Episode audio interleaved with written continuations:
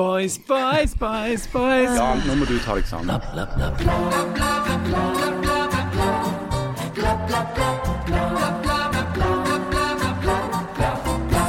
Italia har fått ny statsminister med et veldig koselig navn, og kanskje litt ikke så koselige fascistiske politikk. Um, ellers så skal vi innom fødende kvinner og hva de kan kreve av sykehuset. Og vi har fått ny info om overgangsalderen fra vår fastlege dr. Thorsen. For å si det sånn, det ser ikke lyst ut. Ikke?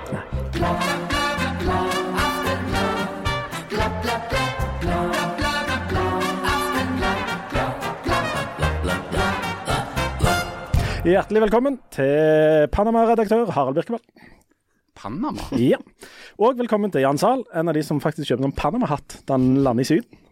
Det som er så bra, er at jeg er jo blant de storhodeste. Jeg er et enormt hode, og av og til så kan jeg gå på den smellen når jeg er i noen utland der folk rundt ser stilige ut med hatt. tenker jeg OK, jeg kjøper meg en hatt. Uansett hvilken hatt jeg tar på meg, så ser jeg ut som Marve Fleksnes. Hvis dere ikke vet hvordan jeg ser ut, slå det opp. Dette er jo en ungdomspodkast, alle vet hvem Marve Fleksnes er. Og så har vi jo gjerne Stigen Drangsholt, eh, professor i panamask litteratur. Hvem er den mest kjente eh, litteranten fra Panama? Jeg vet ikke, men jeg ser veldig rar ut med hatt. Det? Eh, for jeg har sagt det før, har jeg ikke det? At jeg ser ut, i hvert fall når jeg har på caps, så ser jeg ut som de der ungene som hadde denne sykdommen hvor de ble sånn veldig gamle. Sånn som alltid var i Se og Hør før. ja, ja. Altså med sånn Ola er bare fem, men han ser ut som han er 105. ja. Så hvis du er i beita, så kan du lage en sånn spleis med bilder av deg sjøl i en caps, og så kan du samle inn 100 000 til strømregning, f.eks. Det hadde vært litt av et syn, oss to rundt omkring i hatt. Mare Fleksnes det og så et sånt barn som ser ut som det er 120 år. Jeg tror nok den mest uh, Hvis jeg kan kaste innpå en brannfakkel, så tror jeg nok den mest kjente Panama... Hva blir det? Panamesiske, panamanasiske Jeg tviler forfatteren på at det er panamesisk. Det var nok da, Kanskje ved panamanasisk. Jeg tipper det var diktatoren Manuel Noriega Ja. som jo ga ut en selvbiografi i flere bind. Han hadde et uh, artig kallenavn, så vidt jeg husker. Formende år, fra kamp til seier, fra ikke, seier til seier. Det tror jeg hette sånn. Det var ikke kallenavnet hans. Kallenavnet hans var noe sånn Old Pineapple, fordi at han hadde sånn koppete, sånn R-ansikt. Ja, han, så, han hadde litt uh, um, dermatologiske utfordringer. han den hadde. Han så ut som en ananas. Men, og, og sist, og absolutt minst eh, i betydning, eh, der sitter du, Leif Tor Lindø, i hatt. I hatt. Ja, du kler jo veldig godt caps. Du går jo i, du går i hatt og hue eh, hver dag, du, selv om du er inne. Det er jo motsatt av det jeg lærte da jeg var liten. Det er Ja. sånn for han er fortsatt vårt ungdomsalibi. Ja.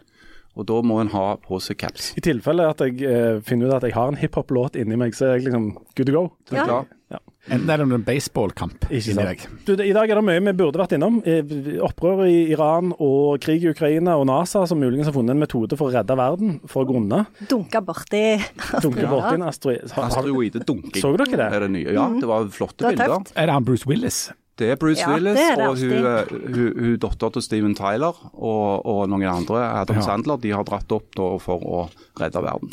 Men det, som, det mest dramatiske som har skjedd den siste uka, er jo det at vi har fått masse tips om at en viss eh, forfatter i dette studioet kvesta en annen forfatter i, på en fotballkamp under en festival. Det gjorde jeg ikke. Gjorde du ikke det? Jeg prøvde å kveste Tønnes. Gjorde du det? Fordi at eh, jeg eh, spilte jo forsvar, eh, han spilte angrep, og jeg tenkte jeg skal i hvert fall klare å albue han litt. Han er sykt sterk. Tønes? Ja, han er det. Så jeg prøvde liksom å presse han litt, men han bare Han skåret jo til og med mål. Er, er han sånn scenesterke? Mm, han er veldig ja, tror, ja, han, han, men han er det. For det at Tønnes er jo ikke liksom en sånn svær branne, men han er veldig sånn Jeg tror det var, var den um, tidligere kollegaen vår, forfatteren Tor Obbestad, som hadde uh, uttrykket 'torspreke'. Altså, Torspreke? Ja, du er torspreke. At du er liksom scenesterk og, og, og kjapp i forflytningene. Og der har du jo Frank Tønnesen i et nøtteskall. Skal jeg si hvem som ikke minst var veldig overraska over at Tønes hadde skåret et mål? Ja. Tønes. Tønes, eh, for det, Tønes og Tore Renberg feirte 50 år på jorda eh, på lørdag kveld på Kapittel. og Der var jeg annet litt sånn backstage før og lagde en reportasje ifra, ifra hvordan det var der. Og da var, det, da var Tønes mildt overraska over at han hadde skåret mål, for det pleide han ikke å gjøre. så så han, han tenker tilbake på den Hvem var det som sto i mål på dette? Hvem var det som slapp inn det laget? Snakker vi om keepertabbe, eller? Ja, det var, du- Var det ja, det det var ikke et keeper, det var et veldig fint mål. Det var ikke en keepertabbe. Vi hadde en veldig god keeper som eh, jobber til daglig på Sølvberget, som heter Errol. Han var kjempeflink. Errol Novak. Ja. For jeg hørte det var Jan Kjærstad som sto i mål, men det kan du avkrefte. Er Errol er jo Kosovos store sønn. Ja, Eh, superflink. Målmann. Ja. Egentlig skulle jo Erik Thorsvedt stå i mål, men han eh, trakk seg, så vi fikk en veldig god erstatter. Men det som eh, skjedde da, det var jo eh, at eh, vi fikk jo en skade på laget. Eh, Peter Strassegger eh, fikk en albue i hodet. Nei, en skulder i hodet. Ble skikkelig svimmel. Og jeg fikk en strekk. Nei. Jo, jeg gjorde det. Og det skjedde når jeg igjen spilte forsvar, og så skulle jeg dekke opp Eirik Bø. Eh, og han Det vi kan si, for deg som, det, Dette er mulig bitte litt internt, eh, men Eirik Bø er rundt 2 meter og 50 høy, noe sånt cirka. Føles sånn. Iallfall sånn, hvis såpass kort som du er. Ja. Ja. Og så, eh, så jeg sto foran han, og, og så la han eh, eh, hendene på skuldrene mine. Og så tenkte jeg på hvor liksom mye spenst jeg måtte ha for å liksom hoppe og heade ballen vekk i tilfelle det ble en høy ball. Og mens jeg tenkte det, så fikk jeg en strekk. Så jeg måtte gå av. Var det en strekk i tanken? er- Det var en slags tankeindusert strekk. Du er så intellektuell at du kan få strekk bare av å tenke. Ja. Det er ganske imponerende, Det, faktisk. dette er jo en fotballkamp på en litteraturfestival der laget består av folk som forfatter, f.eks. Og jeg, jeg har vondt for å tro at Dette har vi snakket om før i denne podkasten for en tid tilbake. for det at det, Mitt inntrykk etter å ha omgått en del sånne litterater og vært f.eks. på, husk på åpning av Litteraturhuset i Oslo Utrolig mange norske kulturpersonligheter er ekstremt opptatt av fotball og idrett generelt. Altså sånn nærmest fanatisk opptatt. Men nå kom jeg på en privat teori som jeg hadde glemt, som jeg utvikla på 90-tallet mens jeg var på mitt mest tenksomme. For da var det sånn at det hadde lenge vært sånn at hvis du var intellektuell og gikk på universitetet og holdt på med sånn forfattergreier, så holdt du bare på med det, og sånn punktum og komma og semikolon og, og ei hånd mot et gardin og veldig sånn postmoderne tanker. Men så plutselig ble det voldsomt inn og på en måte snobba litt sånn ned. Altså Det var i forbindelse med at, at Fløgstad hadde, Fløgstad hadde skrevet om den andre loven mest for Pekos eller Pesos, eller hvordan det uttales. Men altså den blanding av det høye og det lave i kulturen. Og så ble det en måte for sånne hjernesterke hodefolk at de skulle vise at de var en del av folket, og så ble de veldig opptatt av fotball og biljard og, og, og øl på brune Ja, puber og sånt. sånn. og de Og, det, og det har sett seg, Ja, dessverre. ja, til og med sånn, ja, men jeg syns det er litt kult òg. Men altså, til og med sånne organer som Morgenbladet og Dag og Tid, de har jo hatt noen evig lange beefer mellom eh, Kjartan Fløgstad og Rune Slagstad. Ikke om for og imot idrett, men på hvilken måte du skal være for idrett. Men Så det, jeg, ja, de men- holder på. Men jeg tror òg at det, på den ene siden så tror jeg at f.eks. i England så er det jo veldig lang tradisjon for intellektuelle å òg være sportsinteresserte. F.eks. så er det jo litt fordi på privatskoler så spiller en jo fotball og en del ulike sporter. eh, Rugby er privatskoler, fotball er offentlige skoler. ja, men sånn som Nabokov f.eks.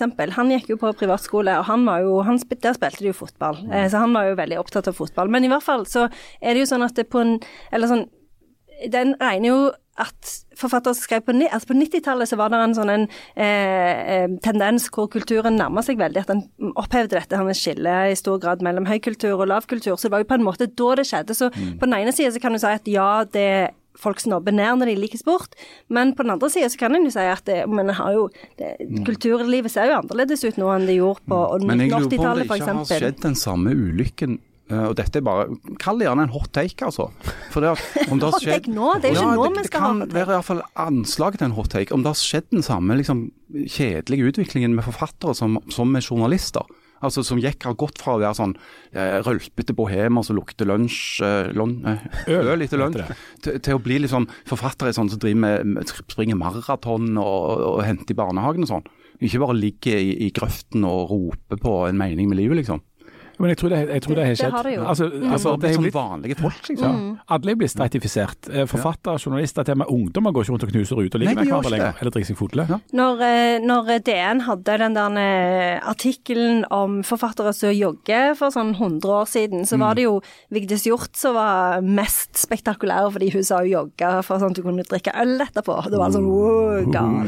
Men du, jeg, i, i, i denne fotballkampen jeg er mest, altså jeg, jeg er veldig interessert i fotball. Jeg vet jo at folk spiller dette på et visst nivå, det der er det med trash talk en del av det. Altså At du skal gå rundt og snakke litt drit til motstanderne for å liksom hisse Det er dem opp. de Ja. ut. ja. Også, når, når for, to forfatterlag møtes, hvordan er den Er det sånn, er det sånn jeg hater Ibsen. Eller altså, at du er dårlig på kommareglene, eller Mm. jeg husker en feil i boka di på side 134, eller hvordan foregår det? Jeg skulle, tenkte jeg skulle være litt sånn edgy.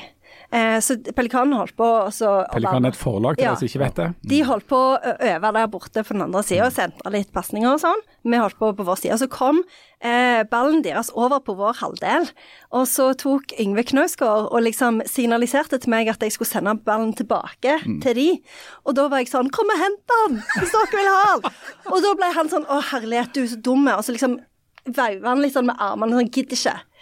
Da måtte jeg jo sende den over til. Men jeg, da synes liksom, Men du liksom prøvde liksom å Ja. starte en beef med, Ja. med Yngve Men du burde, jo, du burde jo heller kritisert metaforene til broren, eller at Han var var ordrike. vekke. Og, Ja. at, Så jeg tenkte jeg skulle gi han liksom et litt sånn at det blir for esaistiske deler av romanene hans. Bruker for mye sa. Yngve, du lager så kjedelige det Ja. Liksom. Broren din er ikke forfatter, han er bare kåt! Kunne du sagt noen sånne ting, for eksempel? Eller OK, nok om det. Dette var en veldig rar begynnelse Ja, på en akt. ja. ja. men, men litt fint òg. Litt fint òg. Er Overraskende, ikke minst for oss. Ja visst. Skal jeg si hva jeg gjorde? Ja, jeg jeg du Jeg dempa ballen med brystet Ja. på et tidspunkt. Gjorde det. Mm. Tøft. Tøft. Jeg, for, for meg så gikk det kjempefort, og jeg var superrask, og det var veldig sånn å herlighet, nå sitter Jan og fniser. Går ikke an å si det engang. Jeg Og så, eh, Men når jeg så det seinere, for det var jo noen som hadde filma det, det gikk veldig sakte. For meg så var det sånn en Jan- sånn Jan- sånn sakte film mens du holdt på. Å, herlighet. Ja, men er en- jeg, han er en jeg han er en orker ikke å være med i flere og denne 50 år gammel mann som ja, fortsatt Hva er det som har sånn- skjedd? Am- Har du hatt et drypp? Eller hva Jeg- er det for noe? Dette er noe vi kan spørre doktor Thorsen Ja. om. Ja, For jeg tror at Jan muligens er kommet i årgang. Ja, det tror jeg òg. Det er flere hint om dette i ny sending vi har fått fra dr. Thorsen. Men før det, for å få litt god stemning, så skal vi ta litt om fascismen. I, eh, altså Høyrepopulisten og partilederen i det partiet som heter Italias brødre. Fratelli d'Italia.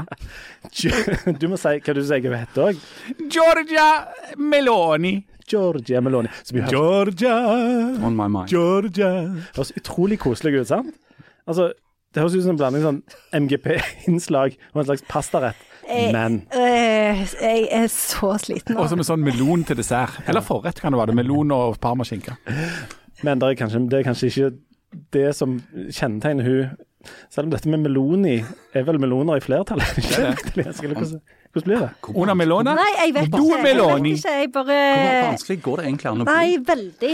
Unnskyld. Ja, tydeligvis. Ja. For å få dette inn på et saklig spor, så skal vi nå sette over til Harald Birkevold, som skal ha sine tre kjedelige minutter om noe innen dette. Ikke meloner, eh, men Nei. om Italia og hun Ja. her eh, Skreppa. Ja. si Og litt om Sabrina er du greie. Ja. Så eh, eh, for å pensle oss inn på fascismen Jeg har foreslått Gianna Nannini, og det er det ingen som støtter opp om. Ingen støtter opp Nei. Nei.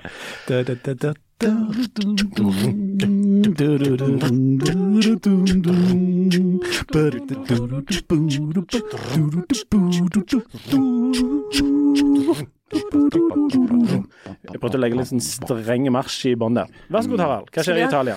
Ja, hva skjer i Italia? Eh, altså, Italiensk politikk har jo, så lenge jeg kan huske, i alle fall vært et nokså spesielt sted. Eh, med stadig skiftende regjeringer, eh, veldig kortliva regjeringer og mye politisk turbulens. Eh, men det som jo Jan, hvis ikke han nå hadde falt fullstendig ut av rollen som en mann med hovedfag i sammenhengende politikk, og istedenfor har blitt en slags tenåring som sitter og fniser av at hun heter Meloni, ville ha kjent seg igjen i, det er at eh, i likhet- meloner i flertall. Det er umulig. Ut.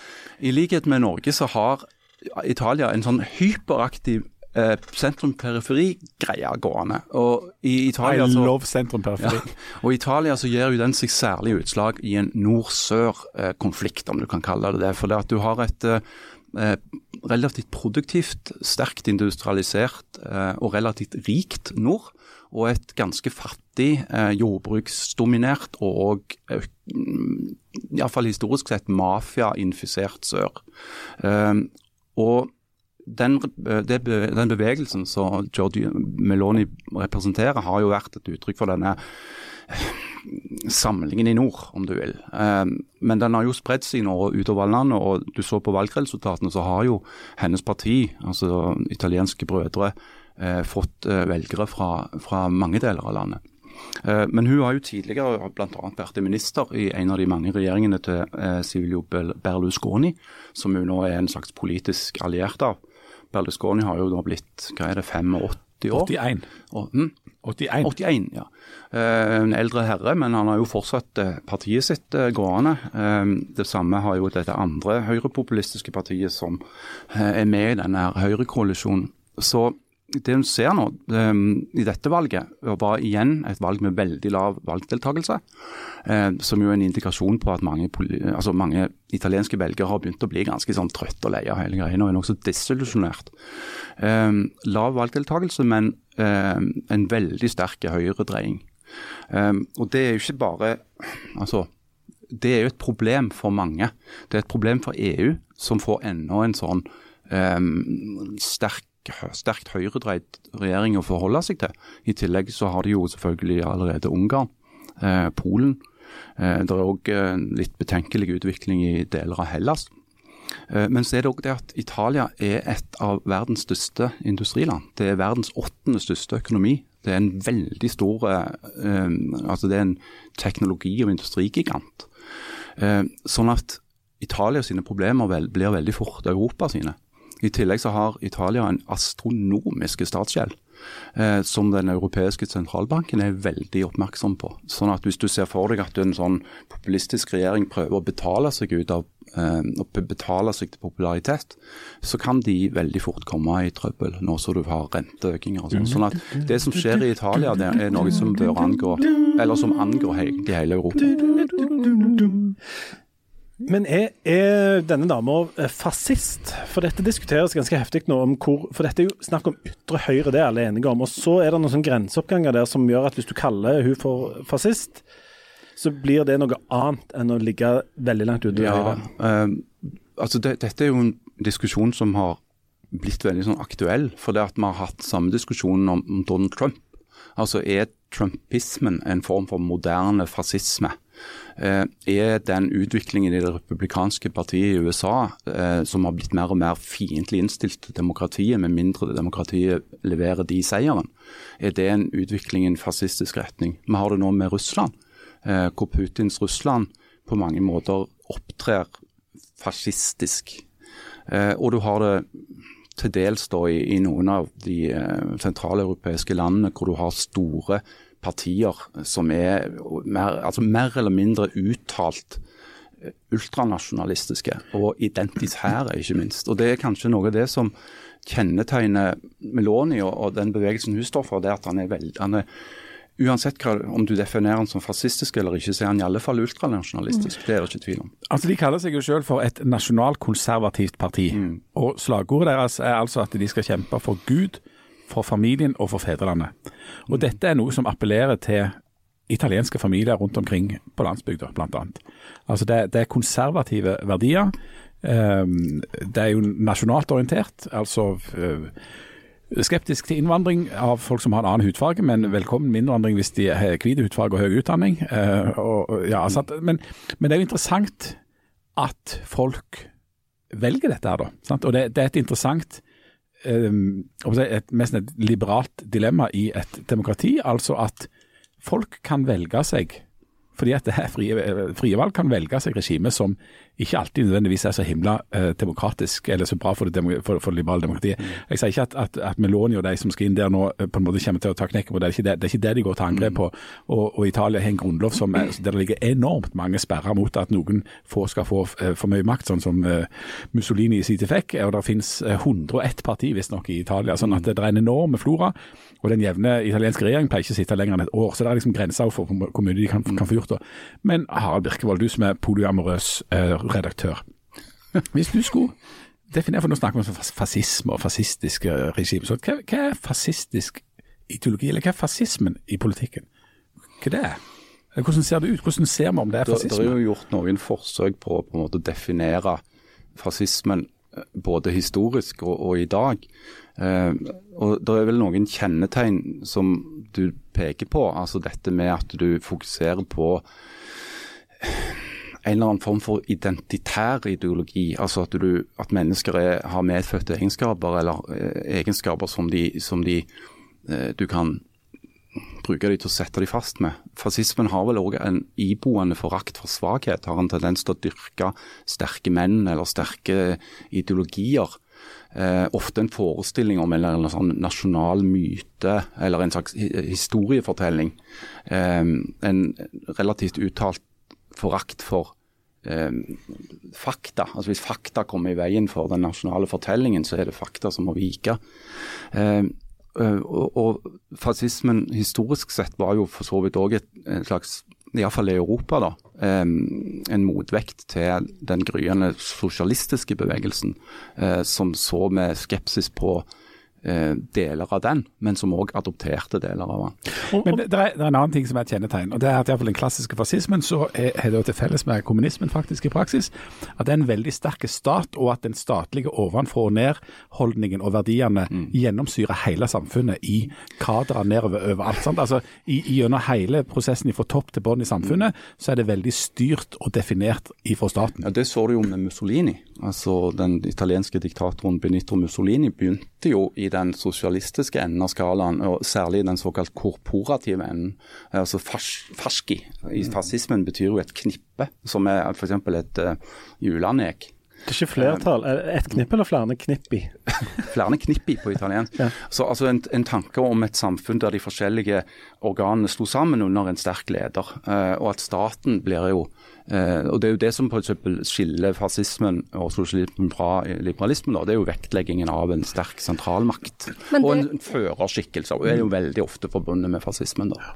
Men det er vel ganske tett eh, knytta opp mot det som du kaller for en identitær politikk. For jeg så jo en mm. sånn en, litt av en tale som hun hadde hvor hun snakket om nettopp det med at eh, forsvar, forsvarte dette med kirka f.eks. At hun mm. vil forsvare sin rett til å være kristen, mm. eh, til å være mor og, og, og ja, husfrue samme, og ja. Da har du samme i Frankrike sant, med Marine Le Pen. Ja, men det, det samme under brexit. Og, ja, men det var jo òg litt som å høre en tale av Sylvi Listhaug. For det er jo liksom òg den andre typen retorikk med at liksom, ja, vi kaller en spade for en spade og er ærlige på hva vi vil ha, liksom. Men her er det vel òg var vel her det ble uttalt at uh, de skulle gi kvinner igjen muligheten til å ikke ta abort. Mm. Som jo er et uh, slags uh, litt sånn gufs ifra vil de fleste hevde, som det heter. I, i del, og det, dette har vi jo diskutert før. altså Disse strømningene fører jo med seg en del ting som f.eks. For, for sånn tradisjonelle kvinnekamp, altså de tingene som det har fått, fått fram, gjerne kan få noen sånne tilbakeslag, selv om det her er ei dame som styrer. Ja, for en gir jo på en måte òg sikkert kvinner muligheten til å ikke ta utdanning. Ja. og kanskje òg muligheten til å være hjemmeværende. Til ikke vil jobbe. Ja. ja. Og så er jeg jo ikke noen stor fan av f.eks. likekjønna ekteskap. Altså alt som utfordrer mm. den nærmest bibelske forståelsen av familien, ja. Eh, er jo da, er jo da ikke, er de ikke for. Dere kristne som sitter der, hva tenker dere om det? At, um, at Gud blir en del av politikken, og at Bibelen blir styrende for hvordan en skal drive et land? Det er jo ikke så uvanlig det. Hvis en ser på historien, så har jo Bibelen og kristendommen blitt brukt til å styre land opp gjennom hele historien. Ja. Du ser det jo òg i Russland nå, ikke sant, hvor dette her, mye av det Putin foretar seg, sørger han for å få ryggdekning hos, uh, hos uh, kirken for. Uh, du så det jo dessverre òg under fascismen sin framvekst på 1920- og 30-tallet i Europa, hvor han mange steder ble omfavna og velsigna av den katolske kirka. Og Der har du kimen til mang en revolusjon og mangt et opprør opp i den politiske historien. Den franske revolusjonen er et opprør mot kongemakt, og ikke minst kirka som sitter og styrer. Den russiske revolusjonen er et, uh, går til angrep på tsarmakt og kirkelig makt. Hele den amerikanske logikken, men altså framfor alt den franske, som da har inspirert den amerikanske grunnloven, skiller skarpt mellom kirke og stat, som jeg mener er en god idé. I en del muslimske land så er det jo også et utydelig skille mellom, eh, mellom skriften Det er ikke skille mellom, mellom, mellom, politikken og religion, som jo er en uting, jf. det vi har sett i Iran den siste tida. Ja, absolutt. Og, det, og altså, eh, kristendommen er jo alltid blitt brukt som en sånn argument for å liksom holde ting tilbake igjen, og, og, liksom trekke ting i det som de fleste vil si er liksom feil retning, i likhet med alle andre religioner. Nå er det rett før Harald bryter ut i 'With God uh, on our side' her. for altså, Dette er jo blitt beskrevet veldig mange ganger. Men Iran er jo en egentlig ganske god parallell. og det er jo En av de mest oppsiktsvekkende tingene som veldig skjedde i Iran, er at en av disse ayatollene Det er jo en haug med de eh, Ayatolli. Ayatolli. Er det det? Det er ayatolli. En ayatoll La? Flere, flere ayatoll i. Det er Jeg det. syns det blir alltid enelser Ja, men det er det som er pluralis. Det er det som er pluralis, iallfall i latin. Men er, ikke, er, det fars i det? Det er farsi, jeg vet ikke, det er jo, ikke det, det Men vi skal kanskje Latinske. ikke spøke så mye med Iran, av minst to grunner. Den Ja. ene er rent sånn selvoppholdelsesdrift-grunn, og den andre er at eh, i det siste så har de jo vært relativt bedritne igjen, Igjen. eh, i Jeg vil bare si for min del at jeg elsker Iran, og det styret som er nå. Bare sånn i fri. Så det er nevnt. Nei, men der, der er det jo òg eh, helt åpenbart et opprør mot et sånn et styre som er en saus av eh, religion og litt sånn et sånn vanlig verdslig styre, en blanding av kommunisme og kapitalisme og alt dette her. Og det, og det er jo det der religionselementet som holder virkelig holder dette her Altså, greiene har- tilbake. Iran er et eksempel, Saudi-Arabia et annet nærliggende eksempel hvor du har et maktapparat som hviler på en form for eh, kontrakt mellom en eh, kan du si, verdslig elite og en religiøs elite. Eh, Du har akkurat det samme i Saudi-Arabia, hvor den herskende familien har sørga for å få ryggdekning fra det religiøse presteskapet eh, for en slags maktdeling. Eh, presteskapet kan få fri eh, utfoldelse på det religiøse området så lenge de ikke tar pengene fra kongefamilien, og vice versa. For det er jo Og sånn har du litt i Iran òg. Ja, og det er jo veldig nyttig, for hvis du kan lage en ideologisk fortelling av eh, religion, så er det jo liksom det Det er jo ikke bare det at du gjør noe mot staten, men du sørger jo òg for at du kommer til helvete, så lykke til. Og verdens, eh, altså, Det eneste uslåelige argumentet i verden er jo at Gud har sagt. Ja. Eh, Det kan du ikke krangle med, for det at mm. Sorry, du kan du ble jo forvirrende. Mulig du har utdannelse, men Det blir forvirrende, vet du. Og ja. Nå hadde du den situasjonen hvor jeg tror han heter Kiril, den, eh, den russiske ortodokse erkebiskopen. trivelig type, syns jeg. Han er jo på kollisjonskurs med sin ukrainske kollega. Um, sånn at de har jo begge fått beskjeder tydeligvis fra Herren, vår Gud, om hvordan han ser på denne konflikten. Helt motsatte beskjeder. Ja, det kuleste med religion er jo at, eh, at eh, du har alltid Altså, de beskjedene du får av den guden, er jo er flaks, fordi at det er 4000 andre òg som prøver å gi beskjeder, og så får du Men det er jo eh, Det er sånn det. Det er sånn, sånn det fungerer. En ting jeg har lyst til å si om både Gud. Iran og alt det andre forferdelige. Altså for det at Du kan jo bli nokså oppgitt for tida. Det er, det er så utrolig mange dårlige nyheter samtidig. Jeg blir ekstremt imponert av de folka som går ut i gatene i Teheran, i Moskva, i St. Petersburg og sier at dette her gidder vi faen ikke å finne oss i.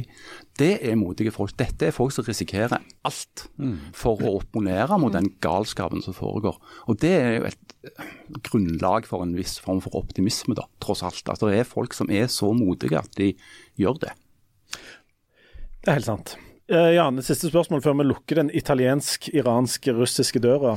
Uh, det er jo en sånn kjempeenkel uh, teori om at når det går litt dårlig i verden, så kommer de sterke mennene og skal ordne opp, og så håper folk på det, og så viser det seg at det går ikke. Er det så enkelt dette her som vi ser rundt omkring oss nå, at det er dårlige tider? Altså flytter folk ut til en eller annen fløy, og så satser på en sterk mann. Det burde jo ikke være så dårlige tider. Det er jo de sterke mennene som har skapt mye av de dårlige tidene. Det er det som er problemet her.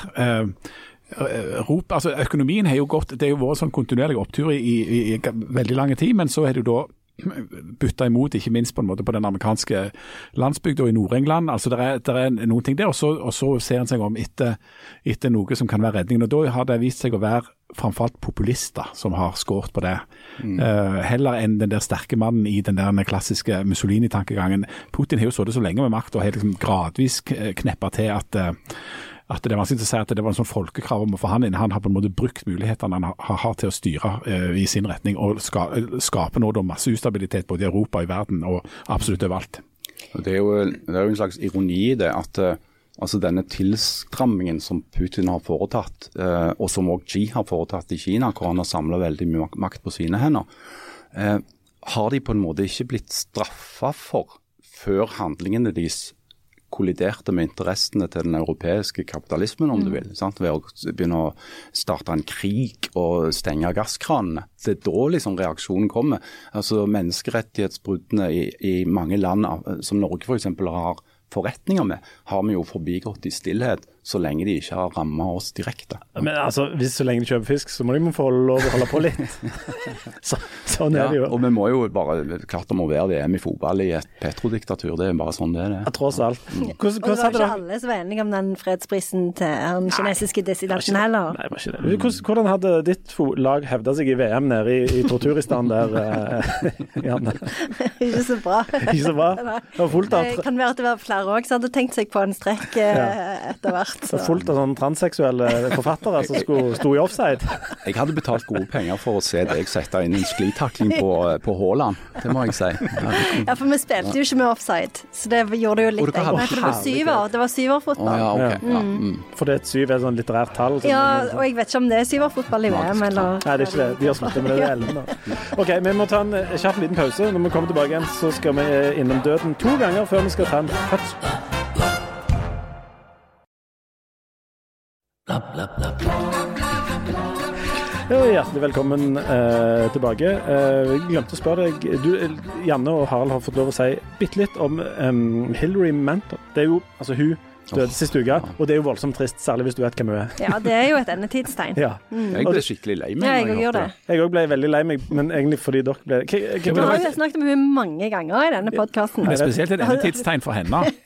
Det, det må vi virkelig kunne si at det Men. Janne, gi oss eh, kortversjon av hvor det, hvor, hvem det er vi har mista nå. Ja, Hilary Mantel eh, var jo en, veldig smal forfatter eh, som ble lest av de få, helt til hun skrev i trilogien om Thomas Cromwell, eh, som hun fikk eneste personen som har vunnet Booker-prisen to ganger.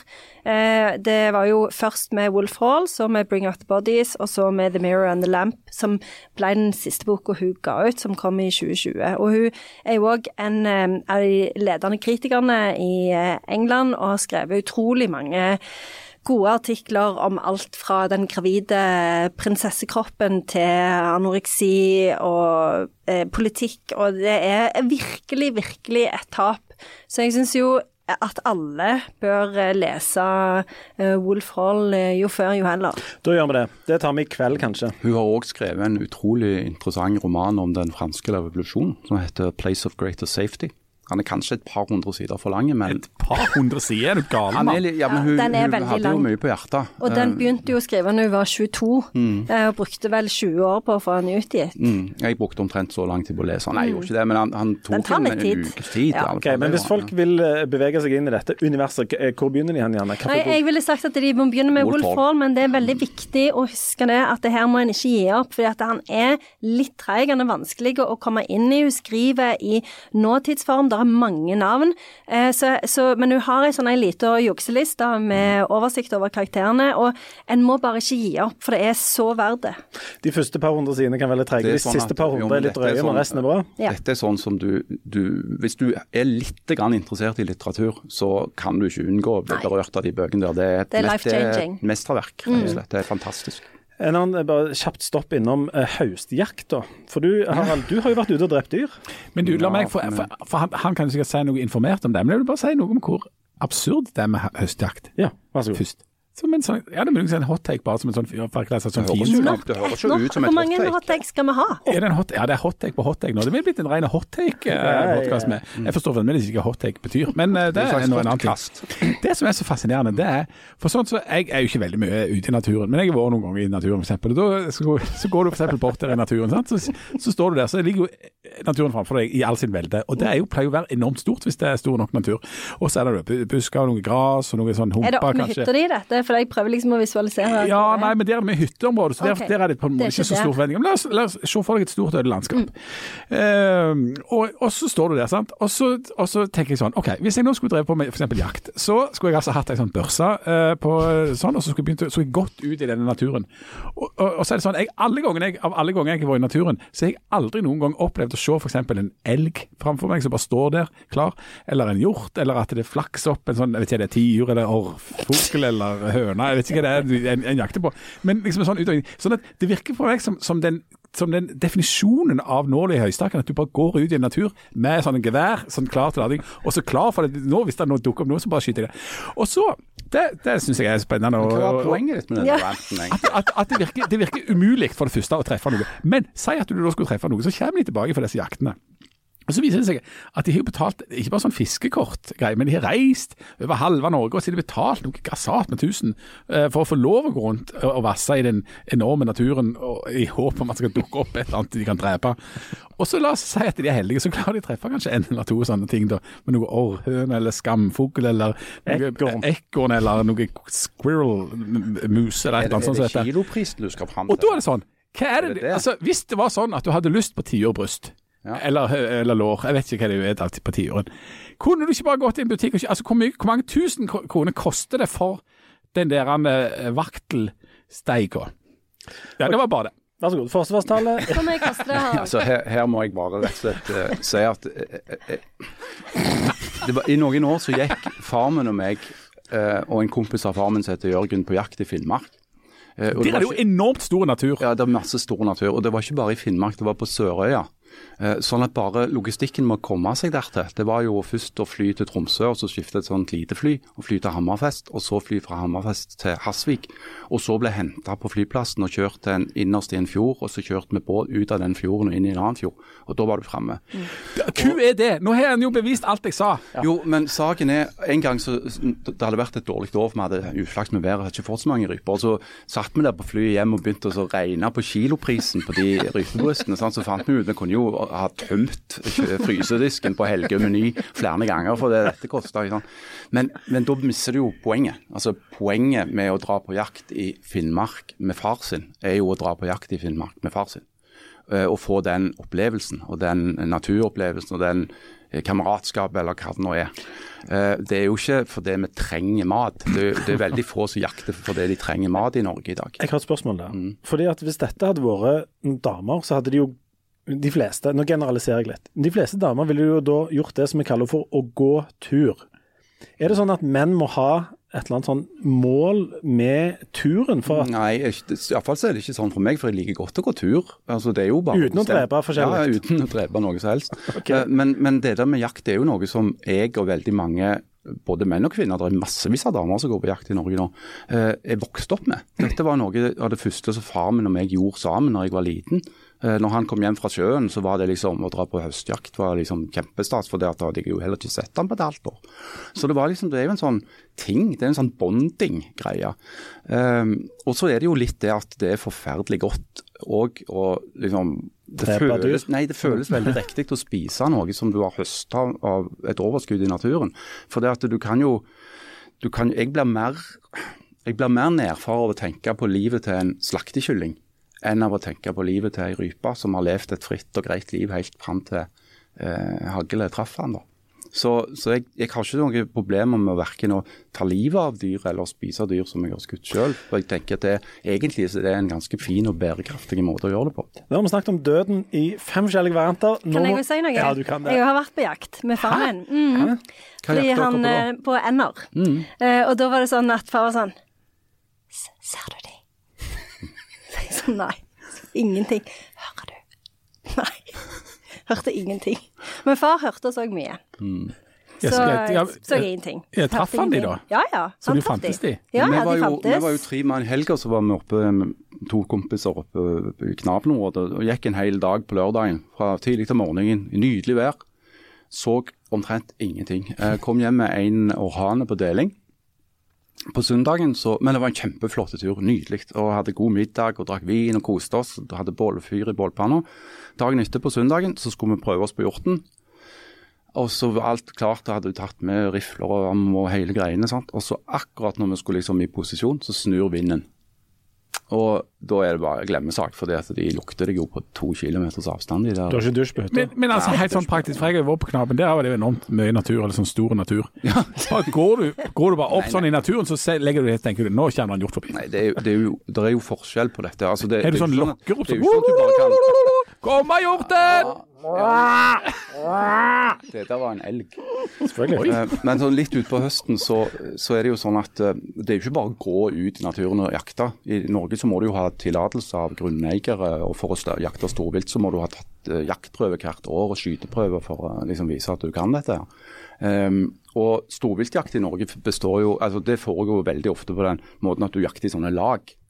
Eh, der noen posterer, kanskje noen driver. Det, det er en form for sånn det er noe annet enn å bare gå rundt og snike, stort sett. Selv om det er noen hjortejegere som gjør det. Å ja. Altså, men du, det er liksom Du må vite litt kan, Du kan bare gå liksom til venstre, eller til Du må planlegge litt. Altså, jakt i. Norge er jo regulert òg. Det er sånn at du har eh, På et område så har du en kvote på så og så mange dyr, og du har ikke lov å skyte andre enn de du har lov å skyte. Det, det, er, sånn, det er jo regulert. Eh, Det er ikke bare fritt fram for Jan å bare plaffe rundt, vilt rundt seg. Nei, det må, det må ikke skje. si. Ja, det må ikke skje. Men kan jeg få avslutte denne sekvensen med eh, en anbefaling som handler om jakt? Ja. for jeg er nemlig blitt med i en lesesirkel av menn som leser kvinnelig samtidslitteratur, fortrinnsvis rundt 150 sider. Og den siste boka vi har lest, det er Kjerstin Ekman sin 'Løpeulv'.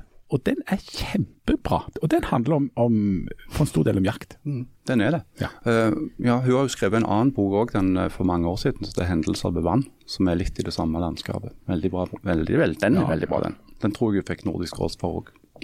Og da lukter, lukker vi jaktspalten. Så går vi over til Nå skal vi snakke bare litt om fødsler. Aftenbladet har de den siste uka skrevet om såkalte ønskebrev som mange gravide har med seg til sykehuset når fødselen nærmer seg. Denne ordningen er altså starta på 90-tallet med litt sånn at gravide kunne skrive forventningsbrev til hva de, hva de forventer av fødselen. Målet er, er med disse brevene er at gravide som nærmer seg termin, skal kunne skrive ned tanker og erfaringer rundt tidligere fødsler eller spesielle behov for å forbedre kommunikasjonen mellom de som føder og jordmor. Og så viser det seg at den siste tida så har disse ønskene muligens, i hvert fall noen av de, begynt å ta litt av. Og Blant de tingene som står i disse brevene som eh, vår journalist fant, var f.eks.: Jeg vil ikke ha enerom etter fødselen. Hun vil ikke ha enerom? Ikke- Unnskyld, jeg vil ha enerom. Det hadde vært veldig spesielt. Jeg vil ligge på Ja. det størst mulige rom. Åttemannsrom, takk. Jeg ønsker ikke en jordmor som er brunette. Jeg ønsker ikke at ID-kortet dingler rundt halsen til jordmor. Jordmor må være etnisk norsk. Jordmor må ikke ha hestehale, eller jordmor må være mellom 35 og 50 år. Og Før vi går litt inn på dette, her, så må vi bare nevne at uh, Tilde Broch Østborg, som er overlege på kvinneklinikken på SUS, er blant de som har sagt at denne artikkelen hun mener han er misvisende. Han drar ut de ekstreme eksemplene. Er Tilde en venn av dr. Thorsen? Jeg vil tro det. Det er del av dette komplekset. Jeg tror alle leger kjenner hverandre, Ja. egentlig. Ja, Også, Og så, og så skal, Jeg tror ikke vi skal gå langt inn på det. altså Journalistikk handler jo til en viss grad om å beskrive unntaket, da. Men at det er litt trend her, ble jo òg bekrefta i, i denne saken her. Um, og Vårt motto er jo individet i samfunnet, og samfunnet i individet. eller Du og de andre. Du og de andre, ja, ikke sant. Og Janne, du har jo tidligere snakket om Dette, dette handler også om litt sånn iscenesettelse av sånne fødsler. At eh, det skal tas bilder, altså alt sånt som det der greier. Eh, Sendte du sånn eh, skriv på åtte PDF-sider når eh, Nei, jeg synes syns det er overraskende at, dette, at denne her ønskelista har eksistert siden 1990-tallet, for jeg kan ikke huske at jeg fikk ei eneste Du fikk ikke ønskeliste. noen ønsker? Nei, jeg husker det var veldig vanskelig å kommunisere, for det gjorde veldig, veldig vondt. Eh, så jeg husker at det var et sånn røkelselys som eh, dette vidunderlige mennesket ved jordmor hadde tent, som gjorde meg veldig kvalm av en eller annen grunn. Men så klarte jeg å kommunisere at det gjorde meg kvalm, så jeg husker all kommunikasjon måtte liksom formidles av min mann, for han var den eneste som klarte å tolke hva jeg sa da. Så, så jeg husker kommunikasjonen var utfordrende, men jeg husker jo at de jordmødrene var jo bare helt vidunderlige mennesker. men, men hvor mye krav kan liksom folk sette når de f.eks. Skal på sykehuset? jeg. Jeg skjønner ikke dette her i det hele tatt. Jeg kan ikke forstå at det skal være en sånn utbredt ting. Eh, Og dette med ID-kortet, altså selvfølgelig kan jo sikkert ID-kortet være litt i veien hvis det dingler ned under Ja. Ja, det kan jeg jo se for meg at det kan være et problem. men kan, jeg vet ikke, kan ikke tro at det blir et, sånn et stort problem, at de gjerne tar det ID-kortet vekk. Kanskje det Der og da, det. jeg vet ikke. Vær så god, Harald. Nå har Harald sittet altså, Med hånda oppe. Altså, jeg har jo jeg har jo vært med noen fødsler sjøl, eh, nærmere bestemt tre av mine egne iallfall. Uh, og de Du har vært med på tre av dine egne, ja. Hvor mange ganger er du født? Men jeg, jeg, jeg, det var klønete formulert. Jeg har, vært, også vært med på fødsler hvor jeg selv ikke har vært med i selve produksjonsprosessen. Nå aner ikke jeg hvor mange fødsler du har vært med på, det men det er mange. Ja. Men jeg har vært med, og tre av mine egne barn da, som har kommet ut. Og jeg kan heller, i likhet med deg, ikke huske at det var en sånn At det var noe der. Uh, men det jeg tenkte jeg skulle si, det var at uh, når jeg leste den saken først, så tenkte jeg ja ja, det er jo herregud, folk altså. Mm. Det er mye rart, og det er jo det. Men så syns jeg det tilsvaret som kommer fra Tilde Brokkåsberg, eh, setter det litt i perspektiv. For det at hensiktene med dette her er jo de aller beste. Det er jo for å sørge for at de fødende eh, skal få en så god opplevelse som mulig, og særlig de som har opplevd ting forrige gang ikke sant? som kanskje ikke funka helt, og, kanskje har spesielle behov, som er redde for ting. Eh, sant? Folk er jo så forskjellige, og det synes det, det er fint det at folk kan få lov å si fram det. Men så kommer jo disse her tulletingene, da. Altså, hvor, hvorfor skal du ikke ha en brunette? Hva hva er greia der? Er det bare en sånn kode for at du ikke vil ha en utlending? Jeg vet ikke. Men alt dette er jo bare vas. Altså, det, folk må jo bare slutte. Det er jo bare det. Ja, det, er litt, det er jo en sånn sak som kaller litt si. på at du sier kan dere ikke bare ta dere sammen? Ja. Men jeg, tror- jeg tror det kan være et eller annet i at øh, folk F.eks. når du kommer på sykehuset, da, har den følelsen, samme følelsen når de går inn der som når de går inn i en butikk. At de kan liksom shoppe litt rundt og kan At stille rett. Ja, at det går an å stille masse sånn krav, da. Det virker sånn Altså, i utgangspunktet litt absurd, Jeg har jo men hørt litt det samme fra skolekretser. Altså med, med liksom foreldre og barn som betrakter skolen som en, som en butikk. Blant, altså der du skal inn og så shoppe. Altså mitt barn skal ha det sånn og sånn, og tilbakemeldingene skal være den typen. Og dette er vår bestilling til dere, eh, skole. Eh, og Det er kanskje en del av en sånn trend. Altså Du har fått et sånt rettighetsbasert lovgivning. Du har fått et rettighetssamfunn der folk skal forholde seg til eh, helsevesen og skole og whatever som om de er liksom kunder i en butikk og ikke medlemmer i et samfunn, hvis du skjønner hva jeg mener. Og Samtidig er det kanskje greit at folk ikke bare står med hatten i hånda når eh, herr doktor Det gjelder ikke deg, doktor Thorsen, men du, vi står jo hatten i hånda der. Men, men at, at folk er på en måte opplyste og altså, kan si litt om hvordan de ønsker å ha det, f.eks. når du skal inn og føde. da, For det er jo svære greier. Ja, men, men Ikke for deg, Harald. Du har jo vært med på så enormt mange fødsler, både på fritid og ting, ting du måtte være med på. Jeg stikker ofte ofte oppom bare for liksom å ja, henge Hva slags fødsler var du med på som ikke var dine Jeg, jeg har vært som journalist sånn på jobb på fødeavdelinger. Og du har det, ja. Ja, både her i landet og utenlands. Oi, utenlands òg. ja. Ja. Har du vært med på utenlandsfødsler? Ja. Har du sett utlendinger bli født? Jeg har sett opptil flere utlendinger komme til verden. Kjenner du noen utlendinger òg? Ja. Jeg Ikke kunne, personlig. jeg kunne snakket lenge om alle utlendingene. Det Det, er jo enormt mange utlendinger sånn i sum.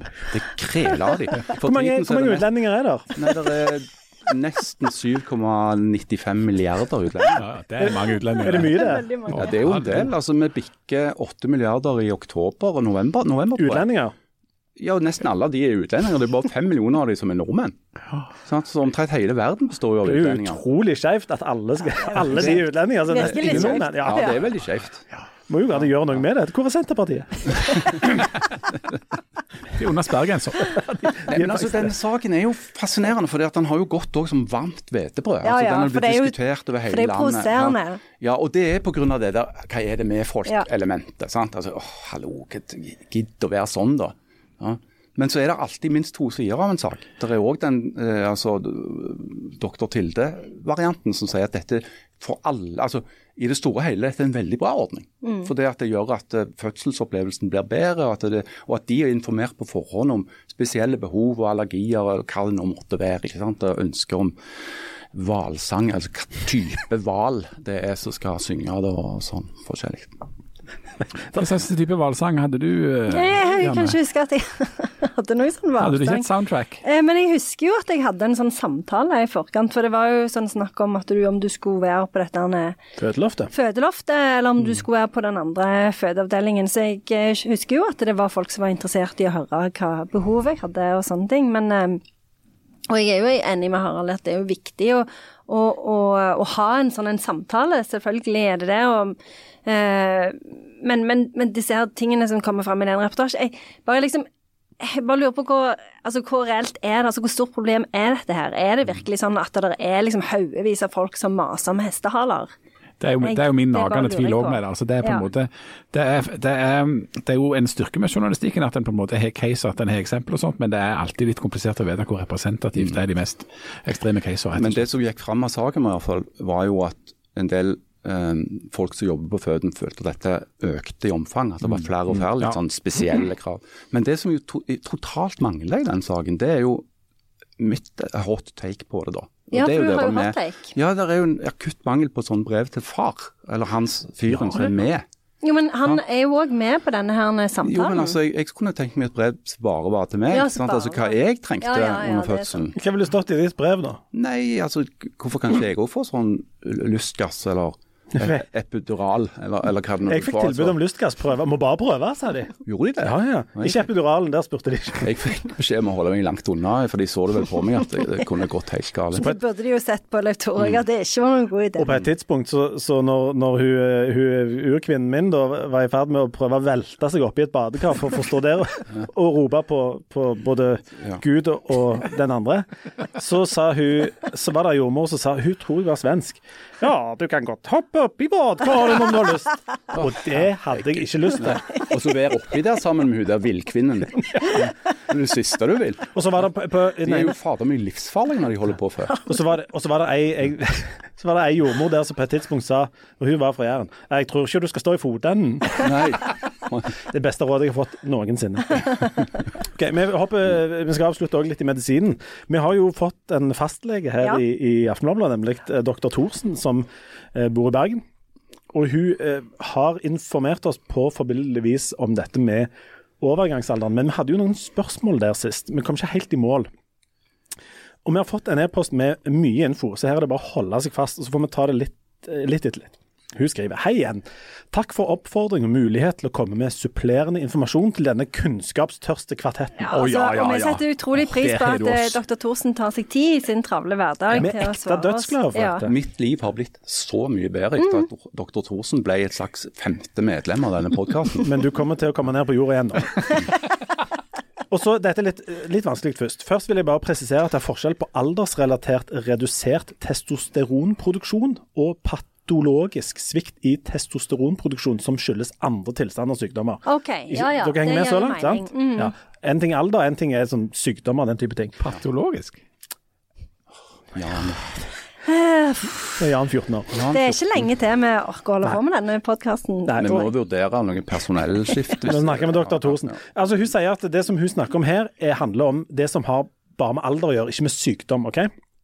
Når det gjelder kvinnens overgangsalder, skyldes den en tidsbestemt og definitiv reduksjon av østrogenproduksjon i eggstokkene. Hos menn ser man en mer langsom og jevnt avtagende testosteronproduksjon i testiklene. Jan, ikke si ikke, ikke si noe, Ingenting. Jan. Jeg sier Det er ingenting. lov å si testiklene uten å le.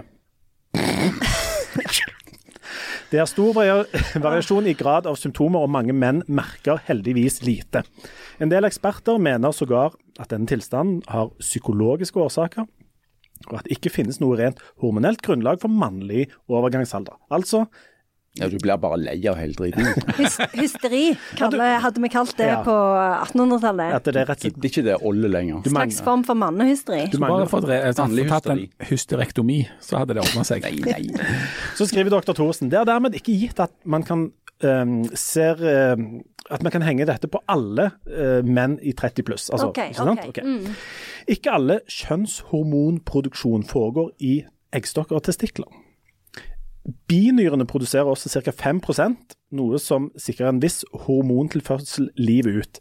For Vi snakket om at det må være et krysningspunkt her. Der, Ja. ikke sant? Og det er binyrene. Binyrene produserer en del, så det forsvinner ikke helt. Dermed er det lite sannsynlig at det er noe skjæringspunkt. Søren òg. Jeg trodde at jeg hadde en sånn at jeg hadde oppnådd et slags medisinsk gjennombrudd. Så forsikrer dr. Thorsen om at, man, at vi da ikke vil oppleve at vi skifter kjønn i løpet av det vil ikke overgangsalderen. skje. Det vil ikke skje. OK. Det finnes ikke en pille for alt som er ille, skriver hun. Men jeg husker Janne spurte spesifikt Kanskje du svarte på så mange ord her, men Ja. altså det der med uh, om det ikke var sånn at damer òg trengte litt testosteron. Ja, får vi svar på det? Ja, nå får vi se. Ja, OK. Heller ikke når det kommer til uh, Men symptomatisk eh, dr. Thorsen, also a poet. Å ja, ja, For den absolutt. jeg merket jo et rim. Ja. Finnes ikke en pille for alt som er ille. Heller ikke når det kommer til symptomatisk behandling av plager relatert til overgangsalderen hos menn. Altså, det finnes ikke piller mot dette. Nei. Så nå kommer det en advarsel, nemlig, og dette er nå med i helsespalten. Vær på vakt mot kosttilskudd som lover gull og grønne skoger. Harald. Hæ? Ja, for det at jeg spurte Ja. jo doktor Thorsen om dette. Ja, det, det gjorde Harald. For det at det der med Hun sa at du måtte begynne å trene og slutte å drikke, det hadde jeg ikke noe tro på. Men hvis det bare hadde vært en pille de kan Ja. ta, så hadde jeg vurdert å gjøre det. Dette, Men, ja. dette har ingen sikker og dokumentert effekt på aldersrelatert lav testosteron, men det kan tvert imot være skadelig og øke risikoen for kreft. What? Så du skal ikke drive og spise sånn rør. Nei, da må du ikke finne på det. Men Viagra, det går greit. Ja, det går greit. Det er greit. Det, ja. Ja. Testosteronbehandling kan øke risikoen for prostatakreft og hjerte- og karsykdommer. Så man skal være varsom med å innta tilskudd uten å ha fått det av en lege. Og så skriver vi, vil bare nevne i parentes at fysisk aktivitet i stor grad kan bidra til å opprettholde produksjon av testosteron opp til normalnivå. Det er jo deprimerende at du må drive og jogge, men det må du altså. Du kan gå på jakt òg, kan jeg si. Så kommer vi til damene. Når det gjelder testosterontilførsel hos kvinner i overgangsalderen, er dette omdiskutert og har liten plass i norske retningslinjer. Testosteron kan øke sex sexlyst hos kvinner etter overgangsalder, men det finnes ingen Nei, Jan. Men det finnes ingen preparater som er registrert for dette formålet i Norge. Jeg runder av her før dere blir for slitne, Nei, nei, nå vil jeg høre mye mer. Er det bare det med sexlyst? Hva med sånn he, Altså, jeg tenker mye mer på sånn hetetokter og all slags eh, sånn Du- du tidlig demens og all slags sånne Du blander det bare med kåthet. Hvis du kjenner den voldsomme varmen, så er det egentlig at det er Nei, sexlyst. men, Ja, men jeg tror rett og slett det, altså det er et sånn skikkelig sånn drittsvar. For det, OK, du, du har hetetokter og liksom er rasende, men du er òg bitte litt kåt. Det er liksom sånn Det er så forvirrende. Det er så mange følelser samtidig. Det er okay, veldig vanskelig å manøvrere. eh, eh. Vi må få flere svar. Det beste kommer til slutt. Okay. Er det enda mer? Eh, Bare en liten sånn apropos, eller apropos. Ja. Det heter vel apropos? Det heter apropi. apropos. aproposi. Det er ikke apropi? Apropi. Apropi. Unnskyld. Ja. Skulle det være noen andre områder som krever medisinsk belysning, er det bare å rope ut og bestille en Dr. Thorsen spesial. Hæ? Og det gjør vi her og nå. Ja, for jeg har så mange Ja. spørsmål. Ja. Og og, Dr. Thorsen, og jeg vil også si apparatet rundt Dr. Thorsen. ja Vi- du har jo, kommer jo med et sånt entourage, regner jeg med. Ja, det. Ja, ja. Hei, et helt sykehus bak seg. Vi vil gjerne at du kommer hit og er med på i alle fall én spesial der vi kan stille deg utrolig mange helsespørsmål. For vi har jo veldig Ja, mange. Vi vil gjerne ha deg her i studio, studio, så vi kan få all den infoen Jeg er jo trenger. aldri helt gode, og Nei. det kan jo få risikere å få løst opp en del ting da. Og du slår deg jo ikke ro, til ro med å slutte å drikke og begynne å jogge. Nei. Nei. Nei, og så kanskje vi kunne òg eh, fått litt mer info om eh, sånn, ja, hvor mye For det, eh, nå så jeg at han, eh, han der, eh, en eller annen sånn, litt sånn kjendislege Han hadde sagt at det er liksom ett glass med vin om dagen, at det er kjempefarlig. At det er like farlig som å røyke. Og da gikk jo jeg rett i kjelleren. eh, og Og fant ei skikkelig god flaske vin. ja, nei, ja, nei ikke, ikke fysisk, nei. men psykisk. Og, og begynte å tenke sånn OK, men nå får jeg jo sikkert kreft fordi at jeg er så deprimert. Så det, det er mange spørsmål i tilknytning til det med alkoholbruk som jeg vil gjerne spørre dr. Thorsen om. For det, ja, Vi har jo egentlig alltid fått høre, eller jeg har egentlig bare hørt etter når folk har sagt at et glass vin til dagen er jo direkte bra for dem, men nå er det ikke det liksom Nei, nå er ikke det greit lenger. Så, og, og hva med folk i Frankrike da, Ja, med tenker jeg. Ja. Hvorfor er det gamle folk i Frankrike? Nemlig. Hvorfor er ikke alle døde i Frankrike? Ja, De er det til slutt. de er det til De fleste er jo utlendinger, som Harald Ja, sa tidligere. det Det er jo det, de aller fleste er jo det. Men vi skal Så prøve ja takk. Ja, Vi vil gjerne ha den der spesialen. eh, og Da skal vi òg selvfølgelig åpne for at hvem som helst kan være med og stille spørsmål anonymt. Eller ikke anonymt, hvis du vil stille med Det fullt kommer navn. litt an på. Det kommer litt an på spørsmålet. Um, så doktor Thorsen, du må ta deg, eh, du må ta deg fritt. det blir ikke sånn juntafil, dette. At det bare er et sånt Nei. spørsmål om For det kan vi ikke Alt er kjempenaturlig. Vi hadde en eh, kvadruppel anal... Nei, nei, nei. nei, Ja, for dette, det er ingenting som er naturlig for meg, eh, og det vet dere godt. Kjære juntafil, jeg tenner så veldig på lysstolper. Er det normalt? Janne har, ja, det er Janne har formert seg ved hjelp av en slags knoppskyting. på- Jeg har, jeg har ikke drevet på med noe sånt. Det var osmose. Jeg bare liker ikke så godt å snakke om det som dere gjør. Det er liksom er bare så mye. Jeg, jeg, begge, mine unger kommer, begge mine unger kommer fra det ballrommet på Ikea. Jeg bare pekte, så jeg vil ha nummer fire og fem. Så peker de. Dr. Thorsen, vi vil gjerne ha deg her for å oppklare en hel del ting. Nå skal vi gi oss, for vi har Anna føre denne uka. Så eh, snakkes vi om ei uke. Ha det. Skal jeg fortelle om hvordan mine unger ble til? Nei, ikke faen. Kan du eventuelt gjøre i morgen?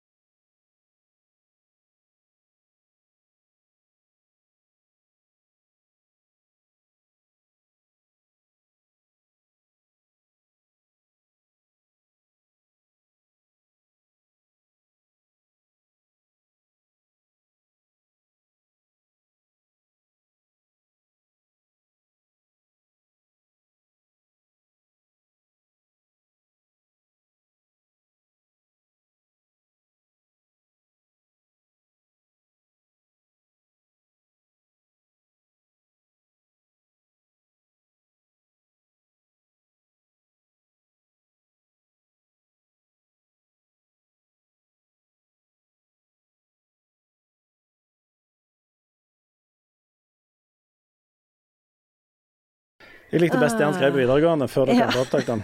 Nå begynner vi. Boys, boys, boys, boys. ja. Det var et sånn et eh, øyeblikk Sabrina, eh, når jeg var på vei til den samtalen på kapittel, så eh, var jeg ganske sikker på at jeg så Aksel Jensen gå forbi han, meg og han er jo død. Inntil han død. Nemlig. Men han rører jo på seg. Mm. Er det ikke Aksel Jensen som sitter der borte? Nei, men han er jo død! Men han rører jo på seg. Ja. Så det var vel egentlig en slags oppsummering av kapittel Ja, eh, det var 22. egentlig det. Uh, ja, Aksel Jensen kom tilbake fra de døde, Ja. og ellers var, var du litt sånn passe stressa hele tiden. Ja. Hva var det beste? Aksel Jensen sitt comeback uh, står jo ut, vil jeg Ja. si. Som Ikaros. I tillegg til at du kvesta han Strasseger i den fotballkampen. han ja, det var ikke jeg som gjorde. Det får vi komme tilbake Ja. til. Men nå begynner vi.